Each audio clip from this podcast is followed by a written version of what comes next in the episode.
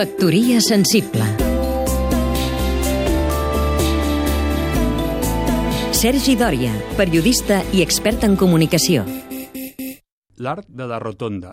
Una de les fites del segle passat és l'avveniment de la Rotonda, un territori abonat per les escultures i tota mena d'artefactes, diguem-ne, estètics, sempre a càrrec de l'erari públic. A hores d'ara, la topografia de rotondes ja s'ha culminat, però tenim la seguretat de que amb la crisi no resta un euro per encarregar als amics que volen ser artistes més valuernes en els encreuaments de l'Estat. La llegió no coneix fets diferencials. Així ho va advertir fa un segle Santiago Rossinyol en un glossari que publicava d'Esquella i signava Xarau.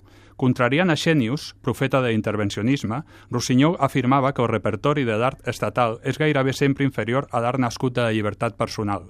Quan l'Estat encarrega una obra, la nació pot estar segura de que tindrà una obra ben dolenta. La sentència queda palesa a les rotondes que, segons els especialistes en viabilitat, eviten accidents. Segur que és així, però maten sensibilitats un repertori d'art pseudovanguardista on els imitadors de Calder i els dignificadors del ciment armat políticament correcte fan el seu agost. En temps de Rossinyol no hi havia rotondes. L'art per encàrrec es localitzava al Teatre Municipal, palaus de justícia, ajuntaments, universitats o acadèmies, com a motius decoratius, lires, núvols, muses, matrones o balances justicieres.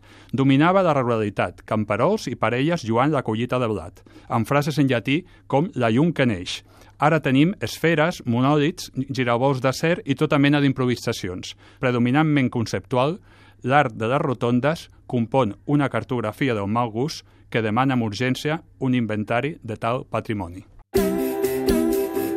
Factoria sensible